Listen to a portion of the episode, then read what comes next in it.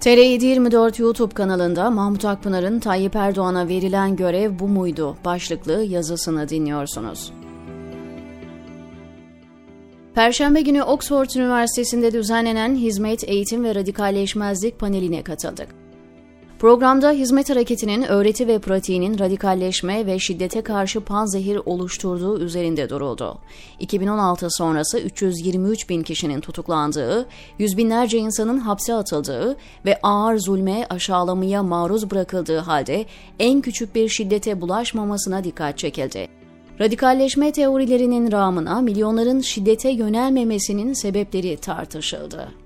Doktor Kamil Yılmaz, hizmet insanlarının radikalleşme teorilerinde sayılan siyasi zulüm, esaret, işkence, sosyal baskı ve zoraki göç gibi radikalleşme faktörlerinin hepsini yaşadığı halde radikalleşmemesinin mevcut teorilerle açıklanamayacağını kaydetti. Doktor Yılmaz ve Doktor Recep Doğan, Oxford akademisyenlerinden Profesör Doktor Paul Weller'ın danışmanlığında yaptıkları ve iki yılı aşkındır sürdürdükleri hacimli akademik çalışmanın tanıtımını yaptılar. Panele Hizmet İslam'ı öz kaynaklarına dönerek radikalleşmeden kurtarıyor başlıklı sunumuyla katılan Haham Doktor Yakov Nagen, Allah adına şiddete başvuranların dinleri gasp ettiklerini ifade etti. Haham Nagen'in, Fethullah Gülen Hoca Efendi'nin dini reforme ederek değil, dinin öz kaynaklarına, asıllarına dönerek radikalleşmeye bent oluşturduğunu ve bunun takip edilmesi gereken bir rota olduğunu, hizmet hareketinin geliştirdiği bu modelin taklit edilmesi ve evrenselleştirilmesi gerektiğini söylemesi Müslüman aydınların göremediği çok önemli bir tespitti. Panelin en etkileyici kısmı Pakistan'da 1995'te kurulan 2016 sonrası AKP iktidarının baskısıyla kapatılan Pak Türk okullarının radikalleşmeye nasıl engel olduğunu online katılan Pakistanlı akademisyenler, veliler ve öğretmenler tarafından anlatılmasıydı.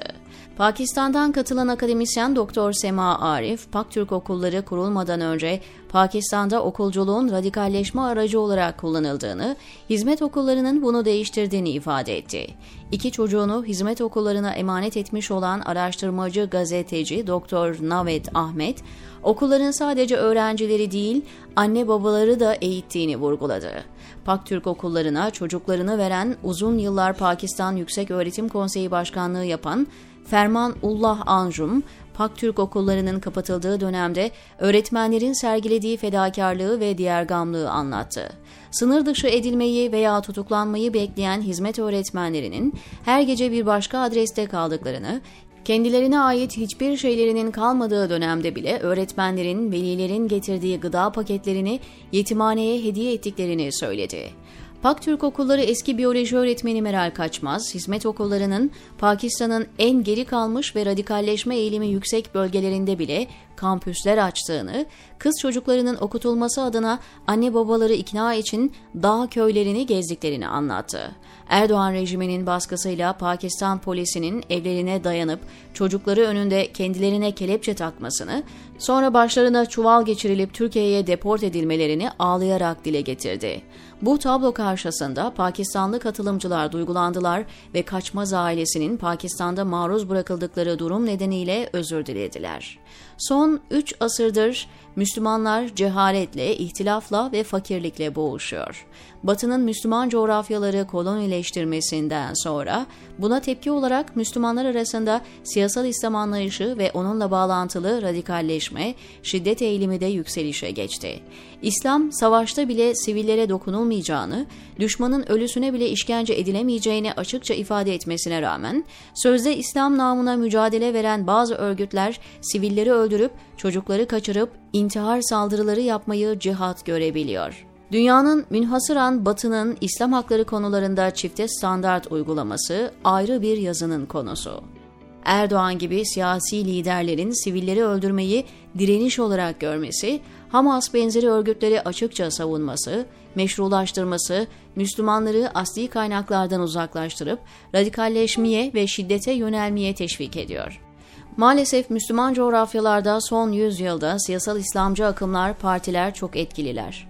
Bu kesimler Kur'an'ın, hadislerin rağmına siyasi yaklaşımları önceleyip Müslümanları radikalizme ittiler.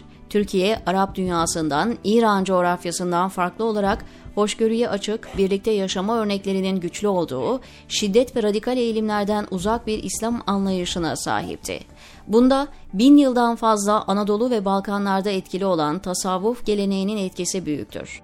Ayrıca siyasal İslam'a prim vermeyen geleneksel cemaat ve tarikatler, Türkiye'de radikalleşme ve şiddete dayalı İslami yaklaşımlara bariyer oluyordu. Marjinal bazı gruplar hariç Türkiye Müslümanları, Kemalist rejimin baskıcı ve dışlayıcı laiklik uygulamalarına rağmen radikalleşmemiş, şiddete asla yönelmemişti. Bu yönleriyle Türkiye demokrasiyle İslam'ın birlikte olabileceğine, Müslümanların başka din, inanç ve görüşten kimselerle çoğulcu ve barış içinde yaşamaya açık olduklarına dair öne çıkan bir örnekti. Ama Erdoğan iktidarı son 10 yılda geleneksel cemaatleri, siyasal İslam'la hiç yıldızı barışmamış tarikatleri dahi tehditle veya satın alarak iktidarına payanda yaptı kamu imkanlarıyla onları yanına çekti, reaksiyoner, radikalleşmeye açık hale getirdi. Asırlar boyu şiddete hiç bulaşmamış bazı tarikatlerin, gençleri siyasi ortamın ayrıştırıcı etkisiyle Orta Doğu'daki cihadist gruplara militan olarak katıldılar. İslam'ı ve İslamcılığı araçsallaştıran Erdoğan rejimi, sabır, tevekkül, edep örneği, hal ehli sofilerin, tasavvuf erenlerini bile şiddete açık, kan dökmeye hazır, başkasına tahammülü olmayan radikalize olmuş gruplara dönüştürüyor. Yani Türkiye Müslümanları giderek tarihi, sosyolojik kodlarından uzaklaşıyor, tarikatleriyle, geleneksel dini cemaatleriyle siyasal İslamcı refleksler kazanıyor. Şiddete ve radikalizme açık hale geliyor. Bakınız AKP tarikatleri siyasallaştırıp radikalleştiriyor. Türkiye'de ve İslam dünyasında hoşgörü, diyaloğu yaygınlaştıran, şiddet ve radikalizme bariyer olan son 40 yılın en yaygın ve etkili dini grubu Hizmet Hareketi'ydi. Hizmet Türkiye içinde binlerce kuruma, milyonlarca mensuba ulaştı ama en küçük bir şiddete bulaşmadı. Radikal eğilimlere ve siyasal İslamcı yaklaşımlara hep mesafeli durdu. Son asırların en önemli içtihatlarından birisi olan Bediüzzaman'ın maddi kılıç kınına girmiştir. Medenilere galebe ikna iledir, icbar ile değildir yaklaşımı gereği hizmet şiddete, radikal eğilimlere çok net tavır koydu. Oxford'daki panelde de ifade edildiği üzere gördüğü ağır ve yaygın zulme, terörist ilan edilip etkilenmelerine rağmen hizmet mensupları kimseye taş bile atmadılar. Hizmet bütün stratejisini cehaletle, fakirlikle ve iftirakla mücadeleye ayırdı. Buna matuf sadece Türkiye'de 1200 okul, binlerce dershane, yurt, kurum açtı. 16 üniversite kurdu. Sadece Türkiye'de değil, geniş coğrafyada fakirlikle ve cehaletle mücadele etti, yatırımlar yaptı. Ama Erdoğan rejimi kendisine biat etmeyen, teslim olmayan bu hareketi yok etmeye odaklandı. Türkiye'deki binlerce kurumu kapatması, el koyması, milyonlara etkilemesi, mal varlıklarına çökmesi yetmedi. Hizmet hareketinin dünyanın çok farklı ülkelerindeki faaliyetlerini de kapatmak için devletin imkanlarıyla kampanyalar başlattı. Hizmet, Afrika'nın ve Asya'nın pek çok ülkesine okullar, üniversiteler açmış, sosyal, ekonomik yatırımlar yapmıştı. Erdoğan rejimi dış işlerinin imkanlarını seferber edip siyasetçileri, bürokratları satın alıp buralardaki okulları da kapatmayı kendisine vazife edindi. Oysa bu kurumlar ve çalışmalar hem cehaletin, fakirliğin azalmasına büyük katkı sağlıyor hem de Türkiye ile bu ülkelerin arasında köprüler kuruyordu. Hizmet dünyada radikal İslami eğilimlerin en güçlü olduğu Afganistan, Pakistan gibi ülkelerde önemli kurumlara ve faaliyetlere sahipti. İç savaş devam ederken bile öğretmenler Afganistan'dan ayrılmadılar. Oralardaki kız ve erkek okullarından on binlerce mezun çıktı ve bunlardan Harvard, Oxford gibi dünyanın en iyi üniversitelerine gidenler oldu. Keza yukarıda bahsedildiği gibi kardeş ülke Pakistan'da 20 yıldan fazla önemli işlere imza attı. Ama Erdoğan fakirliğin, yoksulluğun, radikalizmin kol gezdiği ülkelerdeki kurumları kapatmak, öğretmenleri cezalandırmak için büyük bir tutkuyla uğraştı ve pek çoğunu kapattırdı. Silaha, şiddete bulaşmış gruplara Türkiye kapılarını açan, onlara imkanlar hazırlayan, Türkiye'den bu gruplara destek gönderen, tasavvuf ekollerini bile şiddete bulaştıran Erdoğan, aynı zaman diliminde hiç şiddete bulaşmamış hizmeti yok etmeye çalışırken neyi amaçlıyor? Israrla şiddete açık, teröre eğilimli Müslümanları teşvik edip desteklerken neden şiddetten uzak, barış içinde eğitim faaliyeti yürütenleri terörist ilan edip imhaya çalışıyor?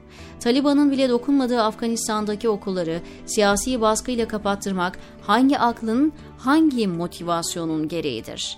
Tayyip Erdoğan son 10 yılda İslam dünyasının en hoşgörülü, demokrasiyle bağdaşabilecek, dünyaya İslam adına ümit vadeden ülkesi Türkiye'yi siyasal İslam'ın üssü haline getirdi. Devleti yeryüzündeki bütün radikal grupların destekçisi yaptı. Geleneksel cemaatlerin, tarikatlerin bile genetik dokusunu bozdu. Onları siyasallaştırdı, şiddete açık hale getirdi. İslam dünyasında hoşgörü ve diyalog diyen, eğitime yatırım yapan bir hareketi, kesimi en önemli hedef haline getirdi. Bu hareketi Türkiye'de yok etmeye, dünyada etkisizleştirmeye odaklandı bunları bir kinin, nefretin sonucu yapsa Türkiye'de zarar vermekle yetinirdi. Ama o Türkiye ve Müslümanlar için en yararlı projeleri bile hedef alıp yıkmayı, yok etmeyi tercih etti. Malum bir videosunda Erdoğan, ben BOP eş başkanıyım diyor. Başka bir videosunda ise komuta merkezim bana papaz elbisesi giy derse giyerim diyordu. Kimse de senin komuta merkezin neresidir, kimdir diye sormadı. 22 yıllık Erdoğan iktidarına baktığımızda ilk iki dönem güven oluşturma, sonraki yıllar gücü şahsında toplayıp tek adam haline gelme ve projeyi icra etme dönemi olarak görülüyor. Kaç defa tökezledi, suçüstü yakalandı, kaybetmek üzereydi ama her defasında bir el imdadına yetişip tekrar ayağa kaldırdı. Misyonu bitmediği için kendisine ek zaman verdiler sanırım. Eğer Bob eş başkanı olarak bir hedef, görev verildiyse bu görev hala tamamlanmış değil. Belki de sırada Orta Doğu'nun daha küçük parçalara bölünmesi var. Muhtemelen Türkiye'nin de, diyor Mahmut Akpınar TR724'teki köşesinde.